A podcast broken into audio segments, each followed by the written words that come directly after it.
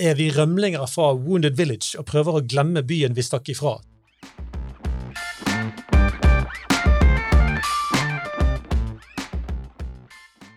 Jeg tror jo noe av det viktige i en oppvekst er jo nettopp å lære barna at man kan få sår, og det går bra.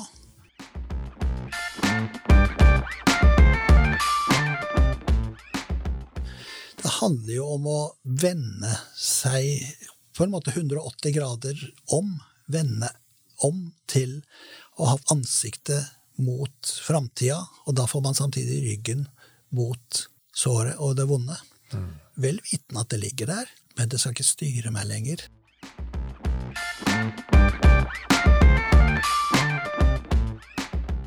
I relasjoner så kan vi jo ikke unngå å såre hverandre. Sorgen er jo prisen av kjærlighet.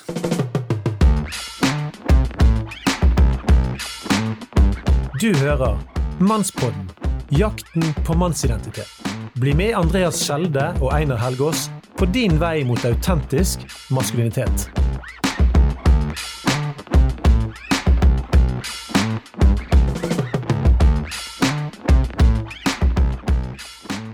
Og der er vi inne igjen fra Mannspodden, jakten på mannsidentitet. Hurra! Hurra! Oi, det hørtes litt, eh, litt for 17. mai ut. eh.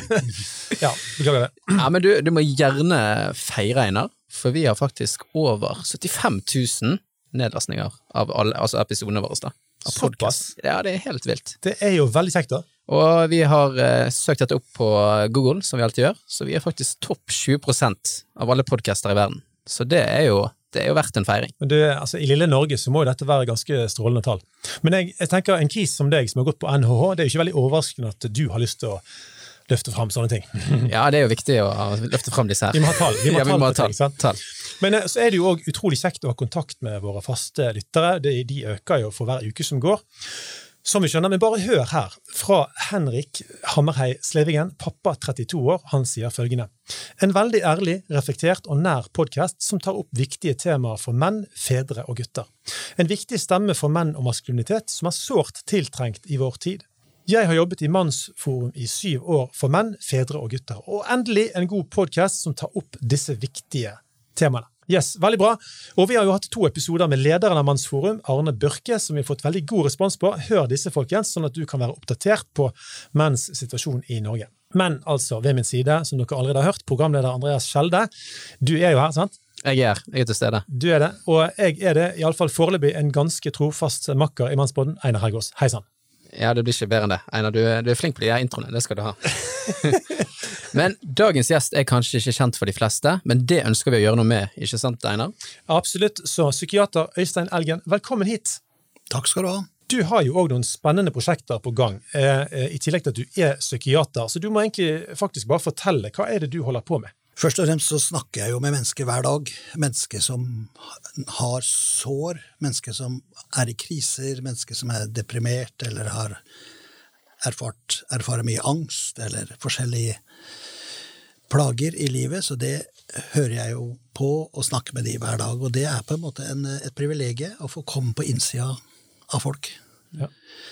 Så har jeg i mange år sammen med noen andre holdt på med samlivsutfordringer. Vi har drevet noe som kalles Familieskolen, som driver samlivskurs, og så har vi laget sammen med noen andre Vi-appen, som er en lavterskel samlivsapp for både for par og foreldre, som kan lastes ned gratis. Og den lever i dag.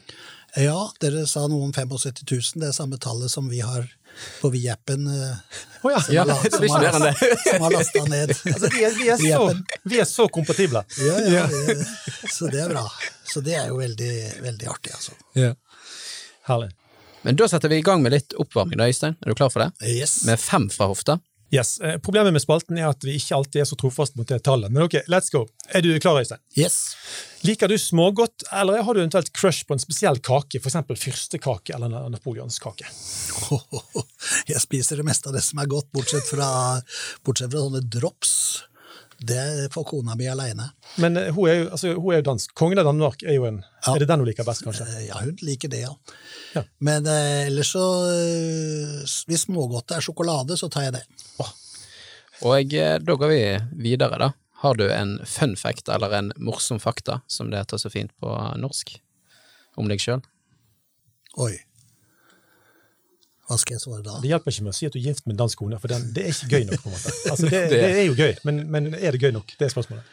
Ja, jeg syns jo det er gøy.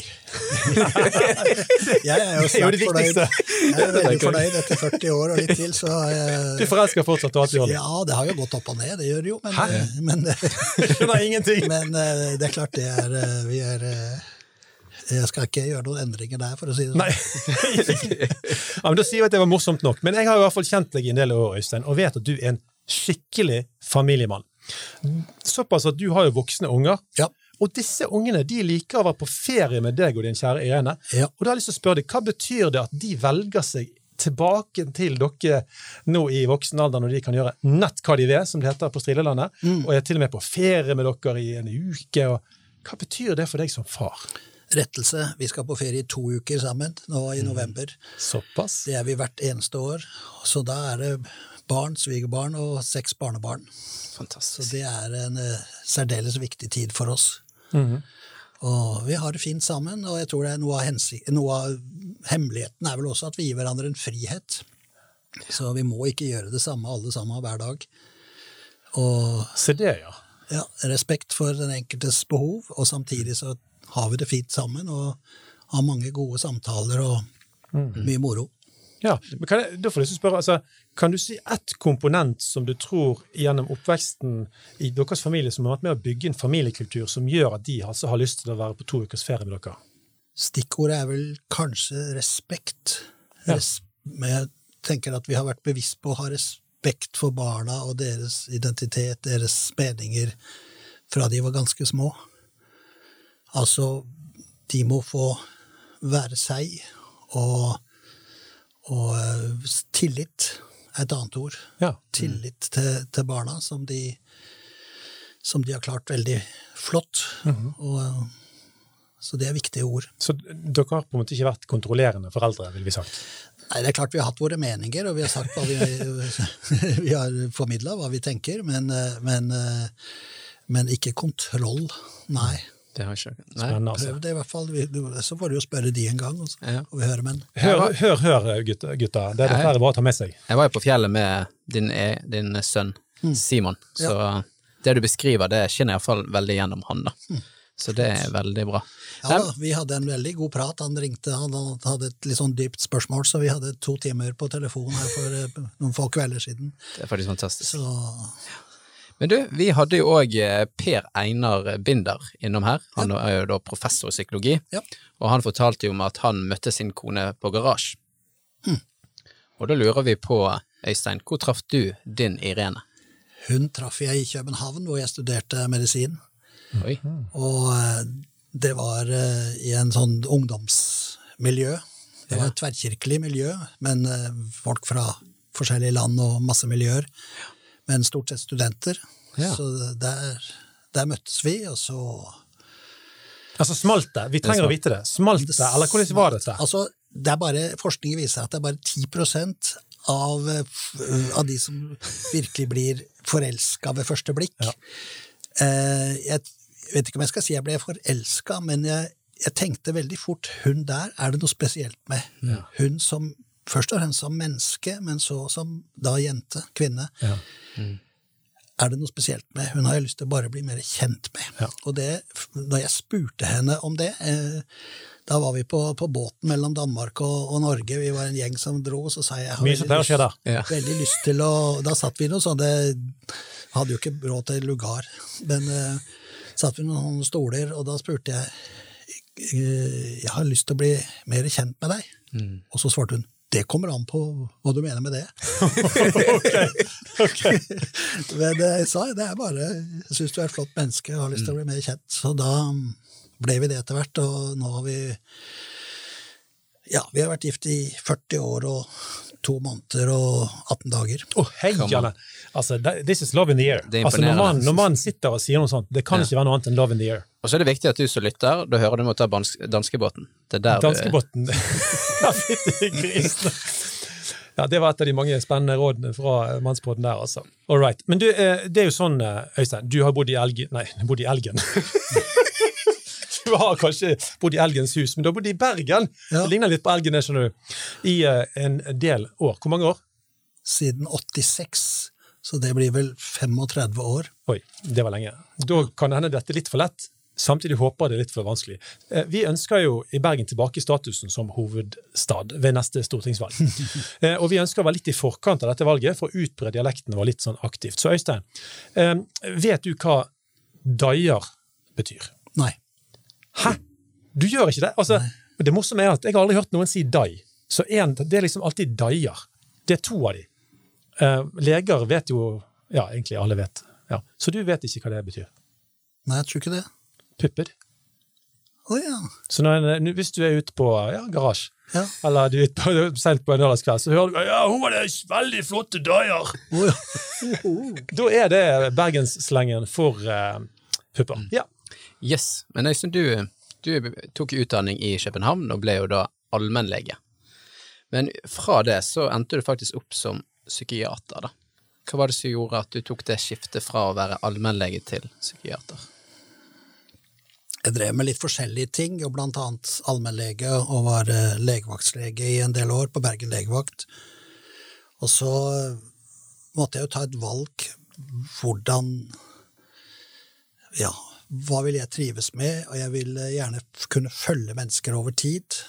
Noe man jo ikke gjør på legevakta, men, men ja, Det er sikkert. så det å, og det andre var at jeg gjerne ville kunne møte mennesker som det hele mennesket, med flest mulig sider og mest mulig helhetlig. Og da, da var det naturlig for meg med psykiatri. Og fra psykiatrien så var det at du hadde hovedfokus på sår. Er det noe du har spesialisert deg i? Ja, spesialisert og spesialisert, men det, man, det, det er jo en del av hverdagen. Altså, mennesker har jo sår. Ingen går gjennom livet uten å, ha, å få sår. Både på kroppen kan vi få sår. Vi kan få sår i sjela, altså psykisk. Tanker, følelser, meninger, holdninger og sånn. Og vi kan få sår i relasjonene. Og dette henger jo selvfølgelig sammen. Så, så um, uh, Det er jo noe jeg møter hver dag. Hvordan mennesker takler sår. Ja, dette er veldig fint, for nå, nå er vi allerede i ferd med å sige godt inn i dagens hovedtema, altså sår. Tre bokstaver. S og R, men du store min for en sammensatt verden som ligger inni det vi skal snakke om i dag. Henry Nowen sier ingen slipper unna å bli såret. Vi er alle sårede mennesker, enten det er fysisk, følelsesmessig, mentalt eller åndelig. Og Øystein, du har jo akkurat svart på det. Det betyr at du er enig i dette. Ja. dette vi, kan, vi kommer ikke unna det at alle mennesker har sår. Så hvordan vil du definere sår? Altså, når vi begynner her, nå skal vi bygge det opp litt fra bunnen. Hva, hva, hva tenker du når vi sier sår? Er ikke sår en konsekvens av at noe har gått galt? Vi glipper med en kniv og skjærer oss i huden, så vi får fysiske sår som skader kroppen. Eller vi får psykiske sår som, eh, som kan eh, komme av belastninger, vonde ting, urett, som, vi, som vi erfarer, som påvirker tanker og følelser og handlinger. Og i relasjoner så kan vi jo ikke unngå å såre hverandre. Jeg mener, eh, 40 års ekteskap eh, har jeg erfart det, og jeg har snakka med veldig mange par underveis. Og det er klart vi sårer hverandre. Så De kan bekrefte det, altså, at dette er virkeligheten, disse Ja. parene du har snakket med. kan nok det. det er vel, eh, jeg tror ikke det er noen som går gjennom livet uten å virkelig kjenne på, at, kjenne på konsekvensen av noe vondt som kommer inn på oss, enten det er på kropp eller syke eller relasjoner. Og disse sårene som du beskriver, hva, hva gjør de med oss som mennesker?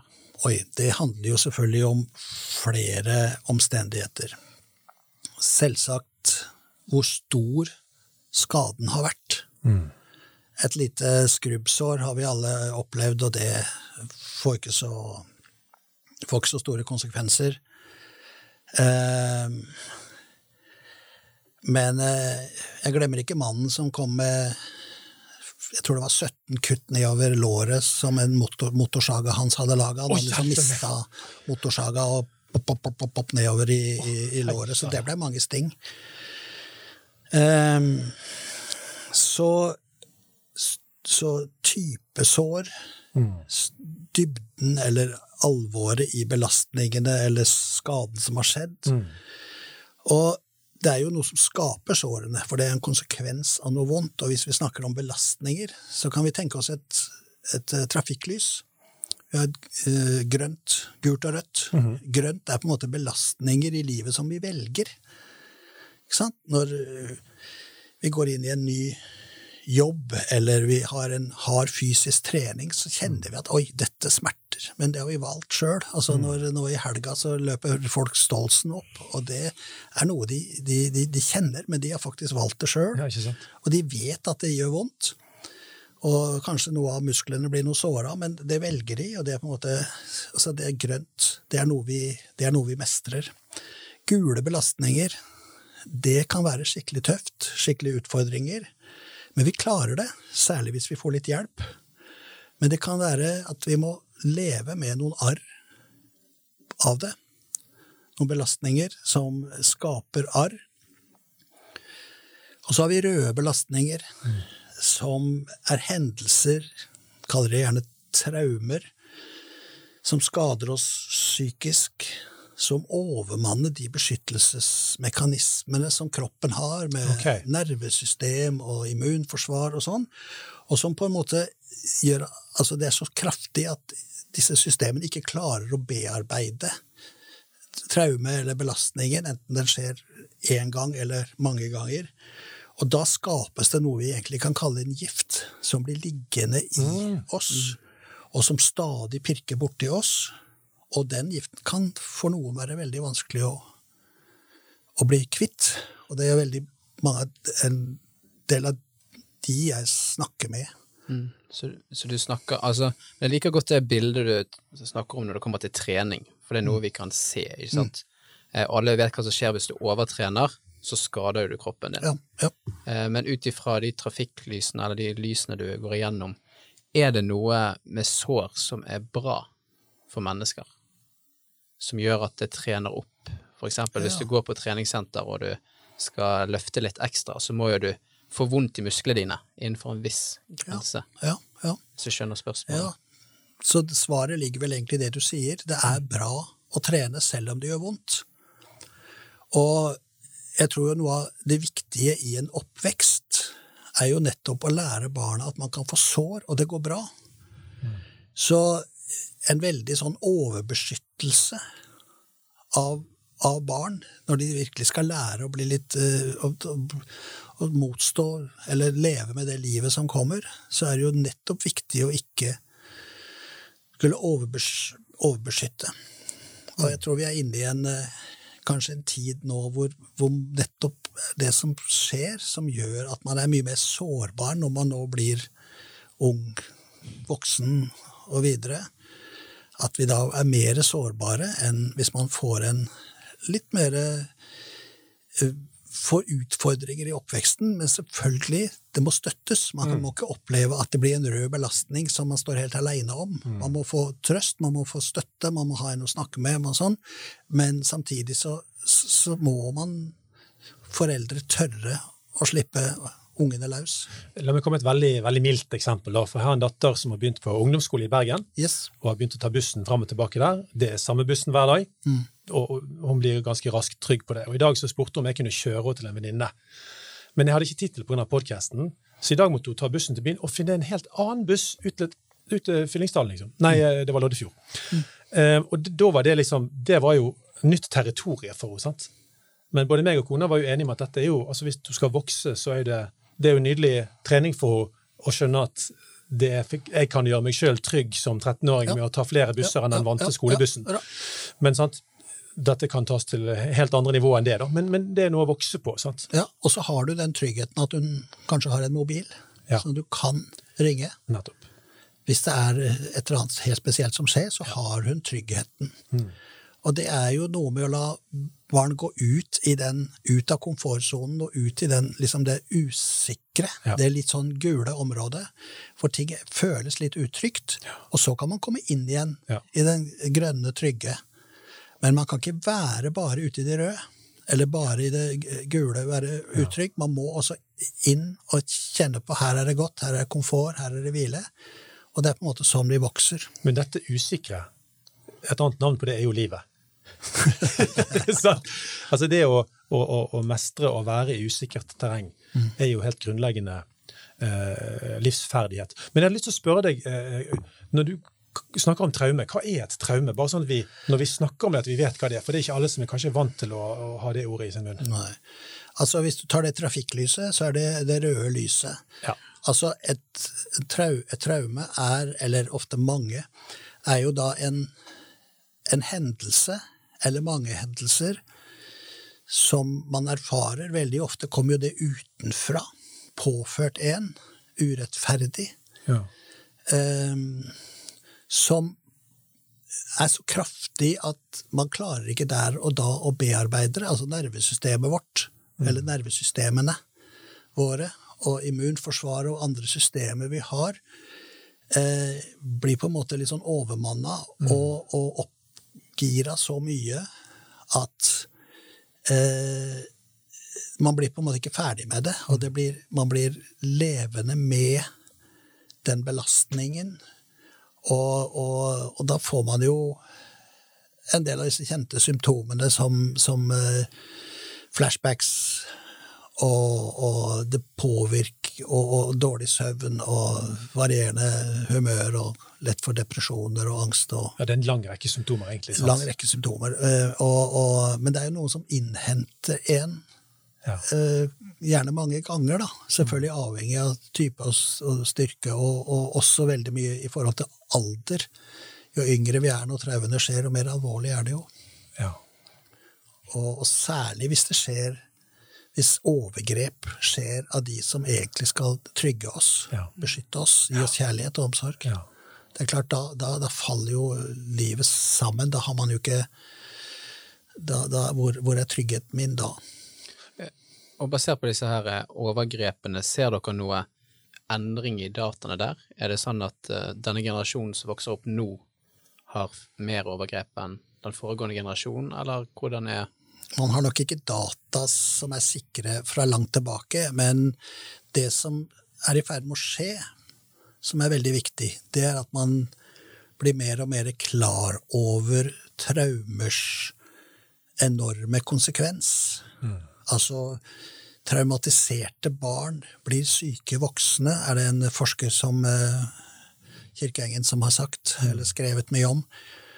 Og, og em, så, så vi vet mye mer om, om eh, forholdet mellom opplevde traumer når de ser i barndom, ungdom, og resten av livet. Altså hva, hva gjør belast, alvorlige belastninger, omsorgssvikt, eh, overgrep, enten det er eh, fysisk eller mentalt eller seksuelt, hva det gjør og hvilke konsekvenser det får, det har man blitt mye mer klar over, men det er langt igjen til å se eh, mye forskning som, som eh, trengs, men eh, det er en økende forståelse for sammenhengen, altså i det hele tatt hva stress og belastning gjør med mennesker. Veldig mye, mye mer av forståelsen av sykdom er jo altså en stressforståelse mer nå enn for bare 10-20 år siden. Ja, for, for jeg har lest liksom det her med for eksempel mobbing, da, Ja. som for mange kan ofte være på gult og rødt og skape traumer. Mm. Så har man, eh, jeg husker ikke den eh, forskningsartikkelen på det, men de snakket noe om at hvis du blir mobbet som barn, så kan det være at når du blir voksen, så mobber du. Ja, At mobbeofferet kan bli mobbere, selvfølgelig, for noen kan det bli enda mer alvorlig at de eh, blir eh, At den mobbingen fortsetter gjennom hele livet, Ja. og det henger med dem. Men det er litt sånn interessant å se disse to veiene som kan skje med en person, da. og det, det, det er riktig. Både mobbing, men også eh, alvorlige altså overgrep, seksuelle overgrep, har jo dessverre lett for å sette seg fast i miljøer, kult, subkulturer, kanskje familier.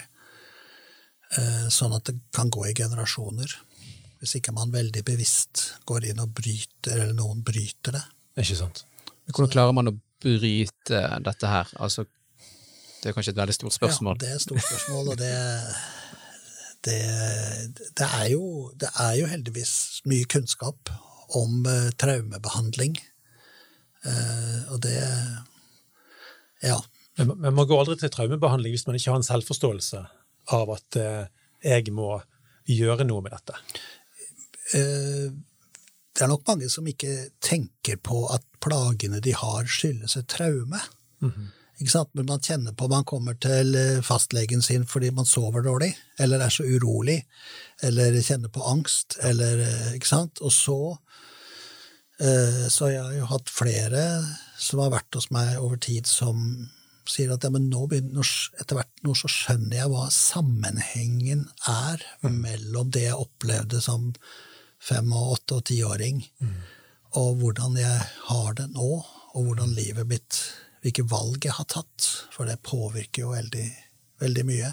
Så det å bli bevisst kan man jo da Det man blir bevisst, kan man jo gjøre noe med. Det som man ikke er bevisst, det vil jo gjøre noe med oss. Ja. Og når vi snakker om Stemmer. disse tingene her, er, for å bringe det litt tilbake igjen, hva er på en måte sånne vanlige strategier folk bruker for å dekke over sine sår? For å dekke oversår. Ja. Det Ja, det er flere. Det ene er jo at man må passe på at man ikke har tid til å tenke på dem. Ja, ikke sant? Det betyr at som en, en jeg har blitt godt kjent med, har sagt, jeg sitter på et ekspresstog hele tiden. Ja. Og hvis jeg stopper, så kommer alle de vonde minnene. Så jeg har ikke tid til å sette meg ned. Jeg kan ikke det. Jeg må holde på med noe hele tiden.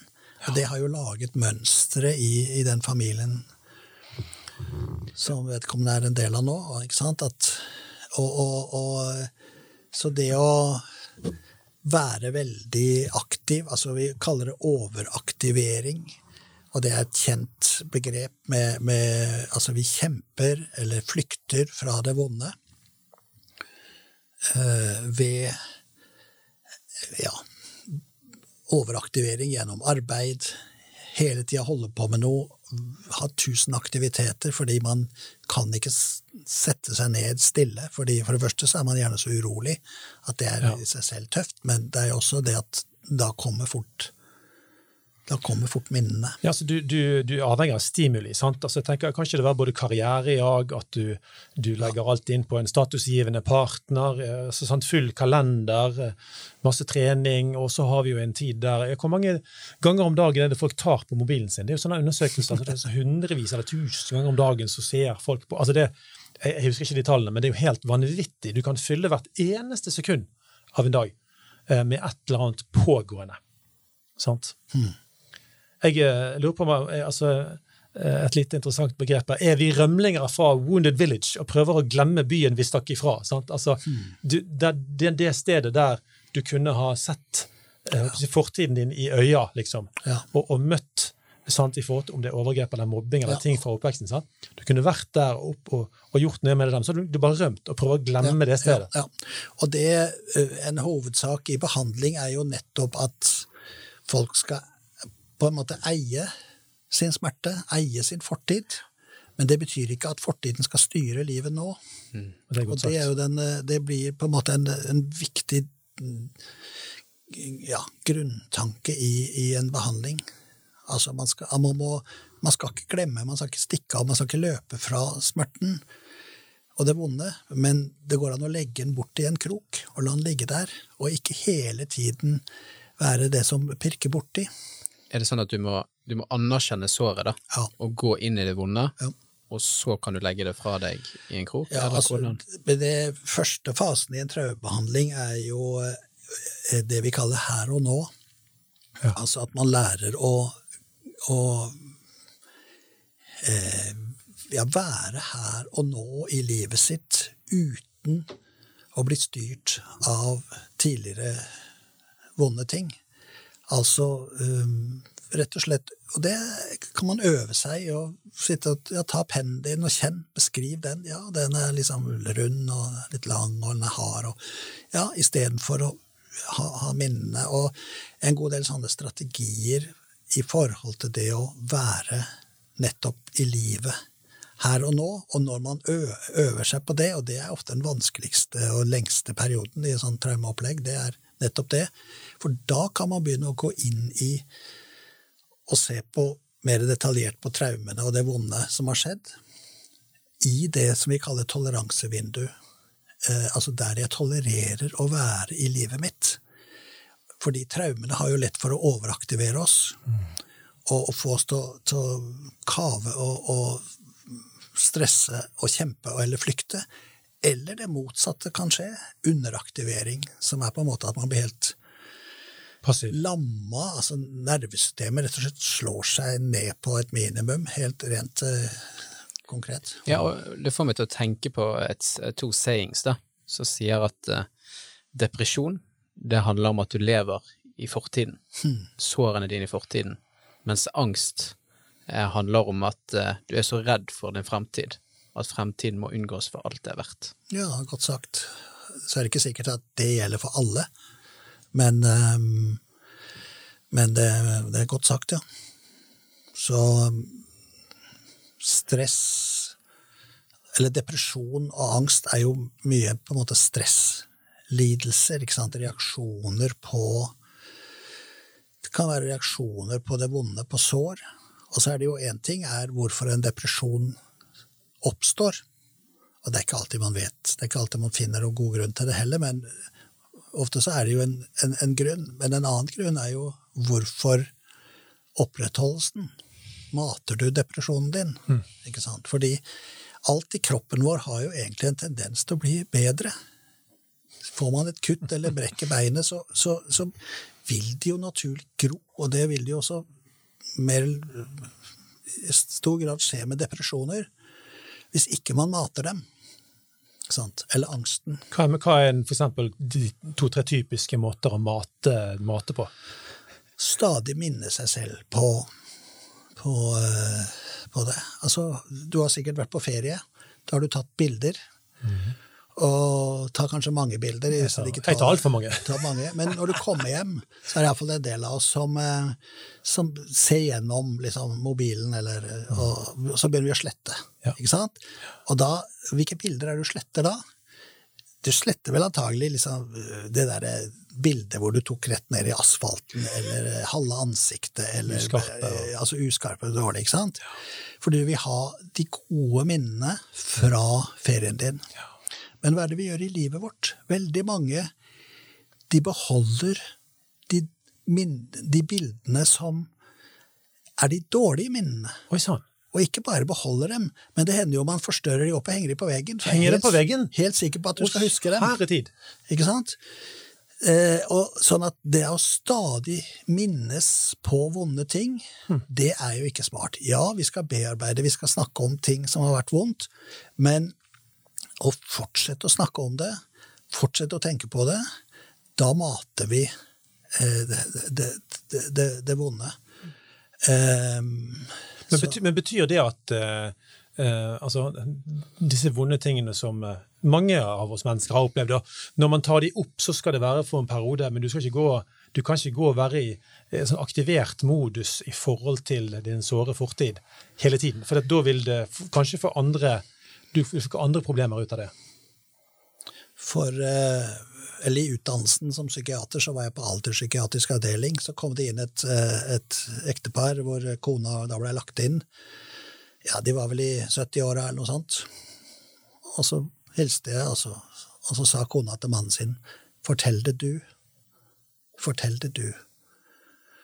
Og så fortalte han at for 50 år siden, når de var forlova, så hadde han vært eh, innom og besøkt eh, nabogården hvor det var en søt ung dame. Og det var jo ikke så bra. Men det hadde hun minnet han på hver dag siden. Mm. Og det er klart at eh, hvilke forhold blir det? Og hun kom jo inn igjen og igjen med depresjon, fordi hun ville ikke gi slipp på uh, den anklagen som dette sidespranget ga. Ja. Ikke sant? Og heldigvis så fins det, som vi skal komme tilbake til, muligheter for å bli kvitt sånne anklager. Fordi sånne anklager de skader jo alltid mest en selv. Den som anklager, er jo den som er størst taper. Alltid. Man drikker vel litt den giften man prøver å gi til den andre, så drikker du egentlig giften sjøl. Ja. Det er klart det var ikke greit at han uh, besøkte nabodama, men, men uh, det er jo, heller, det er jo uh, i hvert fall ikke bra at man holder fast ved, tviholder på anklagen, som dette var et eksempel på, og jeg kunne nevne bøtter med andre. Selvfølgelig. Du, Vi rusler litt videre her. Jeg har et, et, sitat fra den avdøde foredragsholderen, komikeren og presten Karsten Isaksen, for han sa den eneste som kan ta livsgleden fra deg, er deg sjøl. Øystein, i hvor stor grad ligger din egen livsskjebne i dine egne hender? Altså, Kan du bestemme deg for å være en glad optimist, til og med etter en krevende barndom, skilsmisse, du har kanskje selvforakt, opplever usikkerhet eller andre trøblete ting? Når jeg studerte medisin i forrige årtusen, så lærte vi at den hjernen vi har når vi er barn, den hjernen har vi resten av livet. Der skjer ikke noe endring. I dag vet vi at det er helt annerledes. Hjernen vår er plastisk, det skjer endringer hele tida. Eh, og det er på en måte Det er ikke bare innbilninger, men det er reelle endringer i, i hjernen, i nervesystemet, eh, ut ifra hvordan vi velger å tenke, leve, hva vi, blir, hva vi øver oss til, og sånn. Sånn at den plastiske hjernen gjør det mulig for oss å skape reelle endringer i livet, og det er en, en del av det å være menneske, er at vi faktisk kan skape reelle endringer. Mm. Um, Snakker vi litt om tankens makt òg, da? Altså, hvis du har en forestilling om livet ditt som du sitter fast i, så kan du faktisk eh, jobbe med å endre det og tenke annerledes. Altså Tenk på løvetannbarn. Jeg liker veldig godt det begrepet. Det finnes noen som har vokst opp med en forferdelig bakgrunn, og så plutselig så er de næringslivsleder eller, eller en stor uh, kunstner. Altså, Løvetannbarna, hva har de gjort sant? Altså for å, for å endre inn mot et voksent liv der man har rak rygg og, og, og, og lever godt sjøl om det fins minner om ting som ikke ja. er bra. Sant? Du har sikkert hørt om uttrykket PTSD, altså mm. posttraumatisk stress disease. Mm. Uh, altså en lidelse som kommer etter et traume, eh, som da kan være veldig plagsomt. Da snakker vi jo gjerne om den røde belastningen, i hvert fall for de fleste. Så har, de siste åra, har det de siste åra vært en god del forskning på posttraumatisk vekst. Altså hvilken vekst kan en svær belastning gi?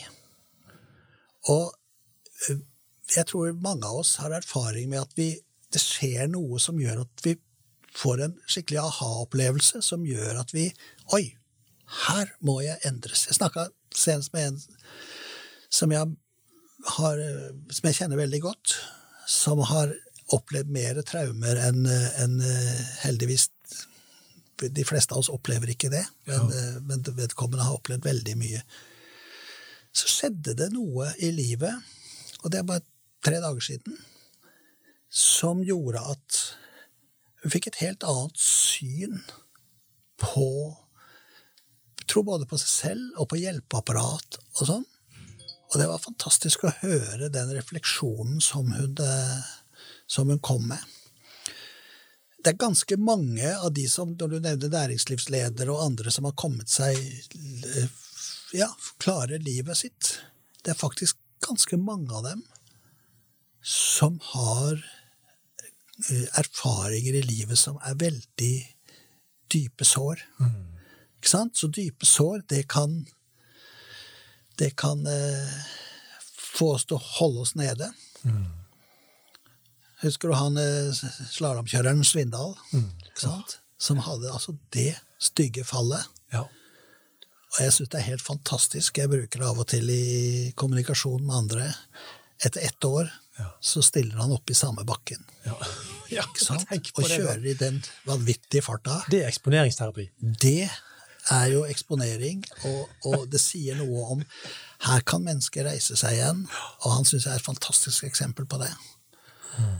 eh, hvordan Altså, han kunne med god grunn ha sittet i sofaen og sagt ja, jeg har mine medaljer, og jeg skal ikke noe mer.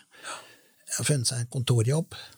Det er ikke noe gærent med kontorjobb, men han ville opp igjen på toppen og kjøre i denne vanvittige farta på nytt. Han ville være levende som Aksel. Ja, ja, ja. Ja, nei, det er utrolig imponerende. Men ut ifra dette, for dette gjelder jo ikke alle, det er vel kanskje en liten prosent Ja, ja, av de ja, som ja, går gjennom veldig dype sår, Ja. som klarer å reise seg. Er det noen sammenhenger mellom personlighetstyper, eller noe sånne ting som vitner om at man er mer motstandsdyktig da, for disse dype sårene? For det første så har vi jo, er det jo viktig hvilke foreldre vi velger oss. Genene våre er jo selvsagt viktig. Vi kan fødes med styrker, med svakheter, med, med, med utfordringer.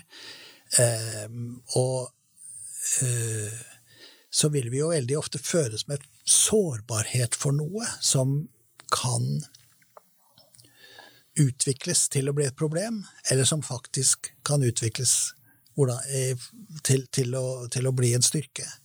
Ikke sant? Så genene våre er viktige, men selvfølgelig også hvordan vi, hvordan vi eh, har det i barndommen. Det er stor, stor forskjell på om vi vokser opp med eh, trygghet eller utrygghet. Om livet er forutsigbart eller uforutsigbart. Kommer jeg hjem til foreldre som jeg vet er trygge og gode med meg, eller kommer jeg hjem og aner ikke hvilke humør eller tilstand eller rus mine foreldre eller en av de er i. Og det, det gjør noe med dette selvkjørende, autonome nervesystemet vårt og andre systemer. Hvordan, hvordan oppveksten vår er. Så genene er viktig, oppveksten, og selvfølgelig de valgene vi tar. Sånn at her har vi jo muligheter til to utfall, eller mange utfall. Både det negative, men også styrkene. Og vi, vi, vi ser jo av og til reportasjer på, på, TV hvordan folk har vokst opp i, i ganske ille forhold, og så kommer de seg opp og, og, og virkelig blir Eller mestrer livet. Ja, og jeg, jeg får jo sett Jeg tenker jo jeg så Krigsseileren i går, Ja. eh, og i den da så er hovedpersonen der Han eh, er jo en seiler, eh, og så er det sånn at det blir krig, og han kommer jo da tilbake igjen til familien sin etter en stund. Og der er det sånn at det yngste barnet hans, han er bare noen måneder når han drar ut på tokt, eh, og når han kommer tilbake igjen, da, så ser du denne her avstanden mellom hovedpersonen og den yngste ungen hans, da. Eh, og dette her ender med at han drikker og det ene og det andre, og jeg er ufin, da. Eh, og i slutten av denne filmen så er det, får du òg inntrykk av at det yngste barnet, yngste gutten, Olav heter han, at de har ikke kontakt lenger. Da. Så. Som bare vitner om det du snakker om, ikke sant? det med uforutsigbart og forutsigbart. Så hvordan vi har det som, som barn, er jo eh, Og det miljøet vi vokser opp i, er jo viktig. Og at det i hvert fall er en eller noen trygge voksne. For de fleste er jo det mor eller far eller begge to. Men uh, uansett at det er minst én, og gjerne flere, som er, skaper trygghet. I, i, i disse prosessene. Ja, ja, ja. Og dette former jo da disse interne systemene vi har, sånn som for eksempel dette veldig, veldig viktige autonome nervesystemet som vi ikke vi styrer så mye med viljen vår, men som i stor grad styrer oss. Ja, riktig. Jeg har lyst til å komme med et eksempel, eh, nemlig den eh, verdenskjente Frank Sinatra. Mm. En av tidenes største musikere. Han hadde jo tusenvis av kvinner, sannsynligvis. Han prøvde jo å leve sammen med noen av disse. Men han klarte aldri å knytte seg. Eh, Det ble aldri, det ble aldri varige relasjoner, på tross av gjentatte forsøk. Men i biografien hans så får man se hvordan han hadde det med sin mor. Italiensk bakgrunn. En veldig fyrig dame. Han kunne aldri vite om han kom hjem til et slag midt i trynet, eller hva det var. Altså, han, han hadde nok rett og slett en veldig utrygg oppvekst. Eh, og Jeg vet ikke hvor mange psykologer og psykiatere det fantes den gangen, men han snakket kanskje ikke med de. Det var ikke noen kultur for det heller. ikke sant? Nei, nei. Så han fikk, han fikk aldri oppleve relasjoner sånn som vi gjerne tenker at det er gunstig, at du knytter deg til et menneske som du skaper et liv sammen med. da. Ja. Men jeg tenker vi hopper litt eh, videre. Og mannsguide og forfatter John Eldridge sier Sorg er en form for bekreftelse som sier at såret betydde noe, det gjaldt, du betydde noe. Er det en meningsfull tanke, Øystein? Ja, sorgen er jo prisen av kjærlighet. Altså den normale reaksjonen på tap. Normal reaksjon på når vi blir såra, når vi mister noe vi, altså noe vi taper.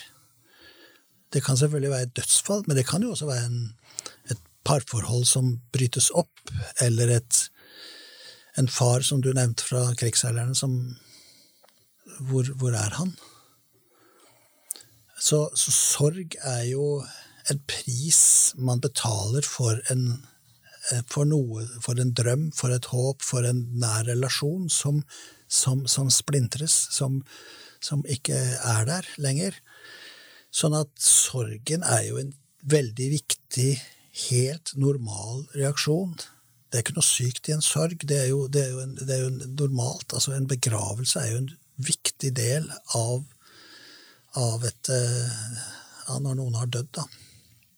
Og, og, og det å anerkjenne sorgen, at sorgen er eh, er helt naturlig. Jeg snakket med i går med en, eh, en mann som, eh, som kjenner på en sorg etter, en, etter en, et brudd, samlivsbrudd.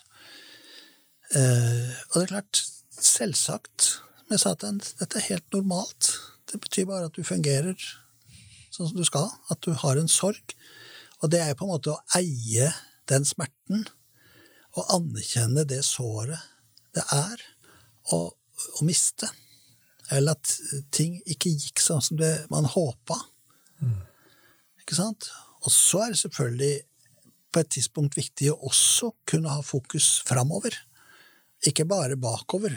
For det fins jo de som lever i sorgen altfor lenge. Og et eh, ektepar jeg møtte som, som fortalte om at barnet deres hadde dødd. Og ut fra beskrivelsen så hørtes det ut som de hadde dødd bare for noen måneder siden. Så viste det seg det var jo 20 år siden, og de levde fortsatt i dette. Og det er klart, da har man på en måte Da holder man fast ved eller, eller i hvert fall blitt, blitt fast. Da henger det på veggen et veldig stort bilde. Da henger det bildet på veggen. altså i for, Og det er klart at man skal ikke, det handler ikke om å glemme det døde barnet, men det handler om at livet faktisk er nødt til å gå videre, altså. Eh, Etter Utøya så var det en som uh, mistet sin sønn og hadde et bilde stående framme i stua hver dag tente et lys for sønnen. ja. Eh, og, og er det noe som, hvis du gjør det i år etter år etter år, eh, kan det bidra til at du holder deg fast når en naturlig sørgeperiode er over? Det er kanskje litt tøft å stille et sånt spørsmål. ja, for det er klart det er avhengig av hvordan den, den mannen klarer å leve livet ellers. Ja, Ikke sant? ja ikke sant? Det handler jo ikke om å glemme, men det handler om hvordan vi skal huske. Ikke sant? Altså, eh, eh, det som har skjedd, har jo skjedd. Alle de sår, alle de vonde opplevelsene, eller de, hva det nå er, enten det er fysisk, eller vi snakker jo nå særlig om relasjonelle og psykiske sår, de har jo skjedd. Det er jo ingen som kan snu eh, tida tilbake. Så det er jo der. Ja. Men det det handler om, er jo hvor mye vil vi at dette skal prege oss nå? Tar jeg det med meg inn Tar jeg fortida med meg inn i nåtiden og fremtiden? Eller kan fortiden få være fortid? Jeg eier min fortid. Den er en del av livet mitt, og det skal jeg anerkjenne. Sorgen, det vonde, det skal jeg anerkjenne. Men det betyr ikke at den skal styre livet mitt i dag. Det betyr ikke at den skal styre livet mitt i morgen. Så det handler veldig mye om hva, hva tenker jeg nå om det som har vært. Og for å da bli ferdig, så er det viktig å anerkjenne det som har vært, men samtidig også anerkjenne Men nå, nå er, er det faktisk mulighet, nye muligheter. Ja, og basert på det du snakker om sorg og sånn, jeg tror det var Henry Nuveen som òg eh, påpekte dette her, da, at i dagens samfunn så gjemmer vi vekk døden. Ja. Eh, og i det så gjemmer vi kanskje vekk sorgen. At det òg Einar beskriver med Frank Sinatra, er det liksom en eh, hva skal du si, en forsvarsmekanisme på at vi mennesker vi ønsker ikke å oppleve sorgen, og derfor blir alt eh, hva skal du si, at vi klarer ikke å danne lange relasjoner, vi, har, vi bytter ofte flere partnere enn vi gjorde før i tiden. Eh, man ser at man beskytter barna mot alt, man vil ikke at de skal ha det vondt. Hvordan vil dette påvirke det når vi, sånn som du beskriver det, Elgen, at sorg er faktisk knyttet til kjærlighet? For det, gjennom sorgen, da føler du på den kjærligheten som var der. Ja, ja og det er, jo, det er viktig, fordi når vi mister, så, så, så, mist, så, må vi jo anerkjenne at vi mister noe som faktisk er veldig viktig. Mm. Altså, jeg, Noen ganger så tenker jeg hva hvis kona mi dør før meg? Vil jeg, vil jeg takle det? Ikke sant? Men det er klart det vil være en sorg. Og, og, og jeg har jo mista noe. Jeg har mista noe, en enormt viktig del av livet. Og det er klart, det kan ikke gjemmes bort.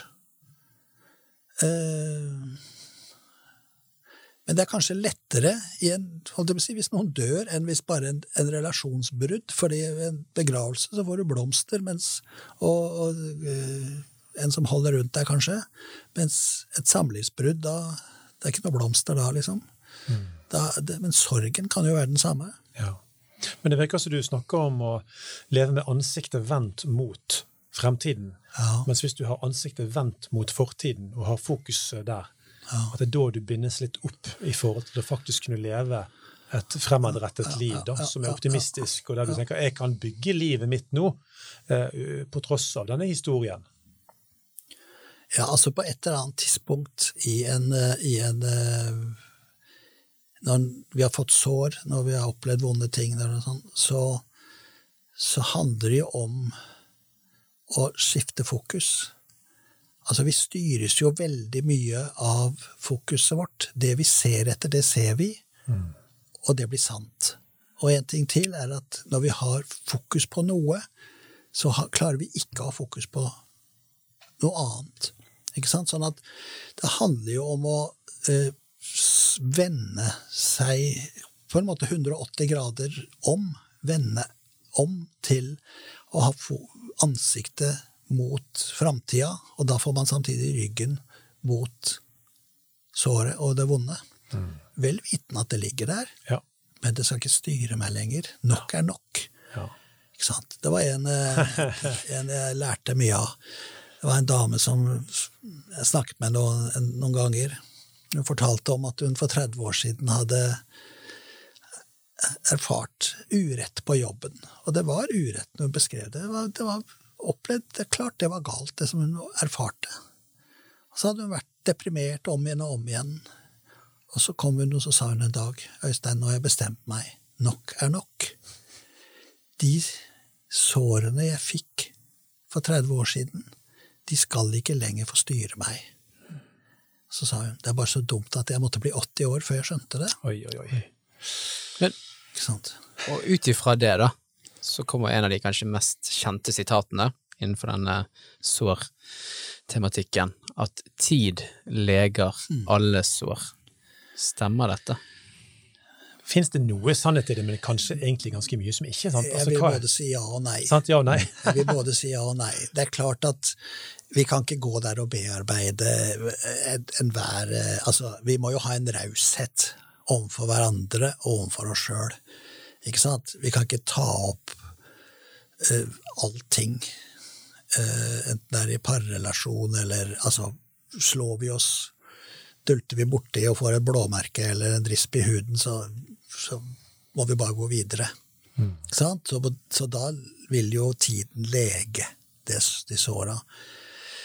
Men eh, jeg har snakka med nok mennesker som ble såret for både 20, og 40 og 60 år sia, som eh, hvor tiden ikke leger alle sår. Så jeg tror vi må finne andre løsninger, og heldigvis så finnes det. Hva type løsninger eh, Du sa A, og vi spør etter B. Ja, det er jo det er noen store temaer der, men det er mulig å legge ting bak seg. Det er mulig å legge fra seg anklagen. Ikke sant? Dette e- ekteparet som jeg møtte på, på alderspsykiatrisk, Ja, det store. ikke sant? som jeg utfordra. Hvilken nytte har du av den stadige anklager mot mannen din at han var utro for, eh, for 50 år siden? Hva har det medført? Hvilken nytte har det? Hun måtte nok innrømme det hadde ingen nytte. Hvor mange liter gift har du helt inn i ekteskapet ditt?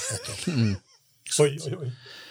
Så, så um, det er jo noe med å si at sånn som denne 80-åringen, nok er nok. Jeg vil ikke lenger la fortidens smerte få styre livet mitt i dag. Det var faktisk nok smerte den gangen, eller har vært det nå. Nå skal det søren meg være slutt, altså. Ja. Ja, det, er jo en, eh, det er jo en nydelig historie. Litt sånn sorgfull òg, ut ifra at det tok de 30 årene. da. Ja, Men, ja, ja, ja. men, eh, men jeg håper hun fikk noen gode år, da. Ja, det- Eh, Litt sånn kjente på noe frihet der. Mm. Men, men i forhold til den bagasjen en har med seg, altså, hvilke ting skal du bare ta med venner i forhold til når du kommer til herr Elgen eller andre psykiatere, psykologer? Altså, Når går du til profesjonell hjelp? Er det med en gang det er på rødt, så da er du til profesjonelt, mens før det så tar du det med mora di eller med kameraten din, eller Det er klart at eh, storfamilien og venner er jo gull verdt. Og det er vel noe av det vi ser også i, eh, i Norge, at mange har ikke de nære relasjonene som de fortjener. ja. Og det betyr at man kanskje oftere enn nødvendig trenger å bruke dette helsevesenet vårt. Ikke sant? Et uh, helsevesen som er under et vanvittig press om dagen, med dobling innenfor psykiatri og Ja, alt mulig. vekst, ja. Så er det i hvert fall uh, veldig fint at du tar opp den biten. Jeg satt og tenkte på det. at jeg mener, det er akkurat som eh, når jeg er i utlandet, har vært på Hawaii USA, så, så ser du ofte på stranda. Så ser du da eh, folk med etnisiteter som gir griller, og du ser det omtrent 20 stykker altså, Mm. som er ute og griller, og barna springer rundt med baller, og de griller og bader og styrer på i timevis. Så kan jo du bare lure deg på hvor mye helbredelse finnes Ja, men det det det. i et, et sånt nært og varmt sant? Det er jo warm culture, etnisitet. Sant? Vi hører til cold culture. Sant? Men, men, men uh, uansett hvor langt nord vi bor, vi nordmenn, så det å bruke de ressursene som finnes i familie- og vennenettverk ja. vi, Jeg vil nok sagt at vi bør gå et hakk ekstra opp der. altså. Men det er klart, er eh, Hvis vi ser på de røde, eller de, altså de overgrep, da hvis den tar det, den, det er jo De fleste har jo ikke opplevd det, men seksuelle overgrep, så går det i gjennomsnitt 17 år for kvinner og 20-21 år for menn før dette blir klarlagt Oi. etter, etter overgrepet. Så at det tar, fordi det er så sårt, det er så skamfullt, det er så vanskelig, at det er veldig vanskelig å snakke om det. Mm. Så det er en lang, lang prosess for de Ja, fleste. du kommer ikke der og bare sier men det er bare til å snakke med noen. Det, det er rett og slett ikke så enkelt. Så hvis det virkelig er dype ting, så kan det være en kjempelang prosess, altså som da i gjennomsnitt er 17 Men, men eller 20 år. ut ifra dette her, så snakker du da om at kvinner var det 17 år, og menn var det 20-21. 21 år. Hva er det, denne fire års forskjellen har jo kanskje litt å si. Har man funnet ut hva det er som gjør at det er en Jeg vil jo si at det er en stor forskjell, disse fire årene. Ja, altså generelt så vet vi jo at det er en kjønnsforskjell i å snakke om sårene, de vanskelige tinga, skammen. eh, Og det er vanskeligere for menn eh, enn det er for kvinner, generelt sett. Og, og det gjelder nok ikke bare disse røde, giftige belastningene og såra, men det gjelder jo generelt også. Altså hvor mange av oss har menn vi snakker med om ting som er har vært vanskelig. Det er vanligere for, for kvinner. Og, og der uh, har vi nok en, en, en vei å gå. Vi menn er flinkere på bekjentskap, vi. Sant? Vi er flinkere på, vi kan noen ganger ha ganske stort nettverk. Det er Ja. mange vi kan si hei til. og ja, hun går det? Så sier vi at det går bra, og så snakker vi om litt mer overfladiske ting. da. Ja, ja. Jeg jeg ønsker jo veldig sterkt å bruke Mannspodden til å inspirere menn til å gå tettere sammen.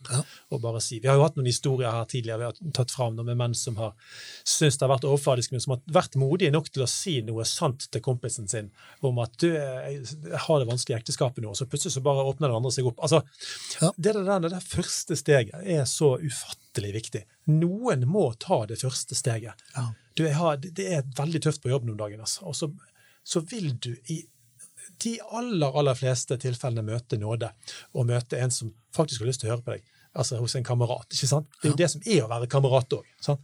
Jeg er faktisk her sammen med deg både i gode og onde dager.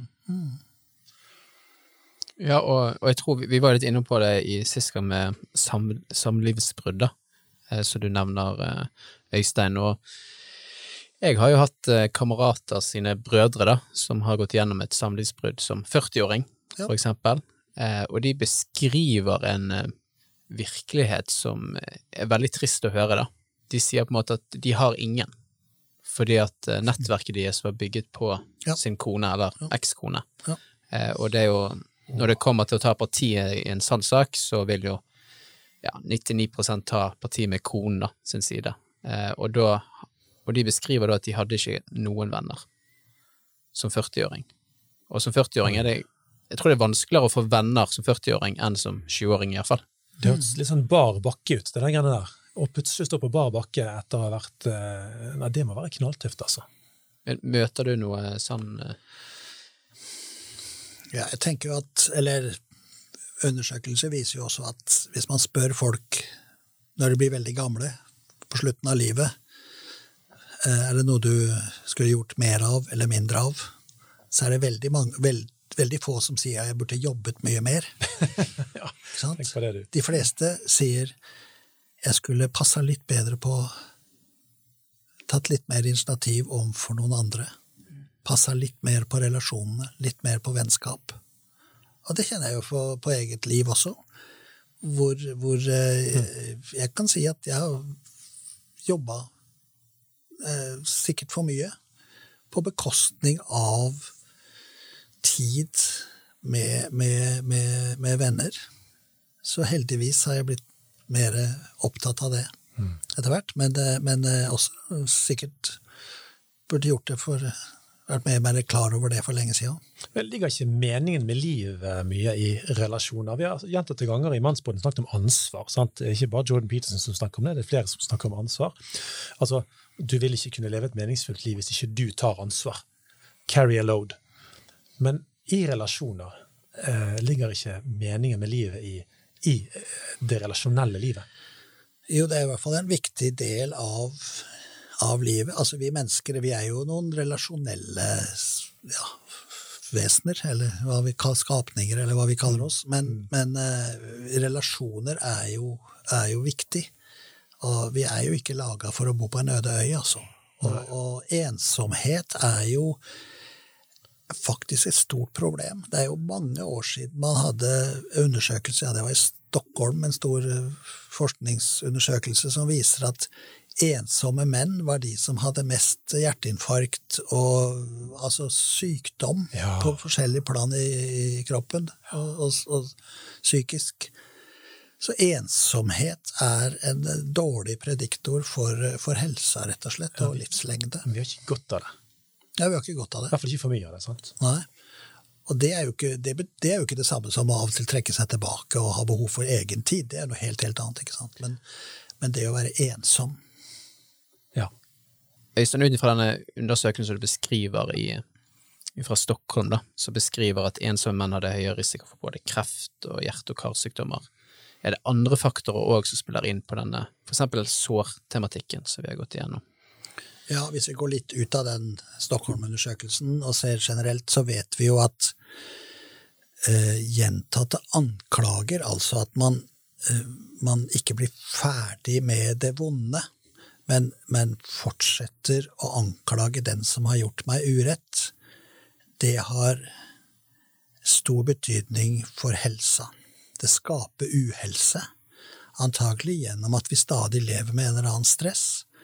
Og vi vet at gjentatte anklager, og at man ikke blir ferdig og klarer å si nok er nok, bestemme seg for det, det vil gi uhelse. Det har en klart øka ja, sykdom på, på, nesten de fleste områder. Hjerte, kar, eh, kreft, psykiske lidelser.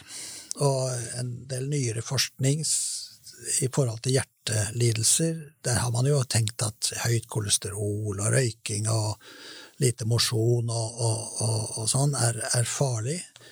Og det er det vel fortsatt, men det fins forskning nå som sier at det som er enda farligere, det er å leve med anklager mot andre, og hva det da gjør med en sjøl. Og, den, og altså manglende eh, å legge fra seg. Altså at man fortsetter å holde fast på, på, på anklagene. Mm. Eh, og det skaper jo bitterhet, ja. og det vil alltid skade.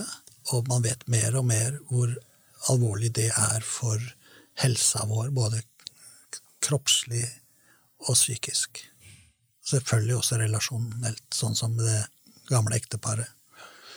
Så, det her er jo fascinerende, først og fremst. Jeg ja. tror det er, en, det er en spennende og fin Ikke så fin avslutning, faktisk, men jeg tror vi dette var en alvorlig episode, men vi kaller ikke episoden sår uten at eh, det blir alvorlig. Så det tror jeg folk eh, klarer å ta. Og vi ønsker i Mannsbåten å ta livet på, på, på ytterste alvor. Da. Mm. Eh, og Derfor så blir det jo òg en episode til nå, kanskje flere, ja. med, med, Øystein.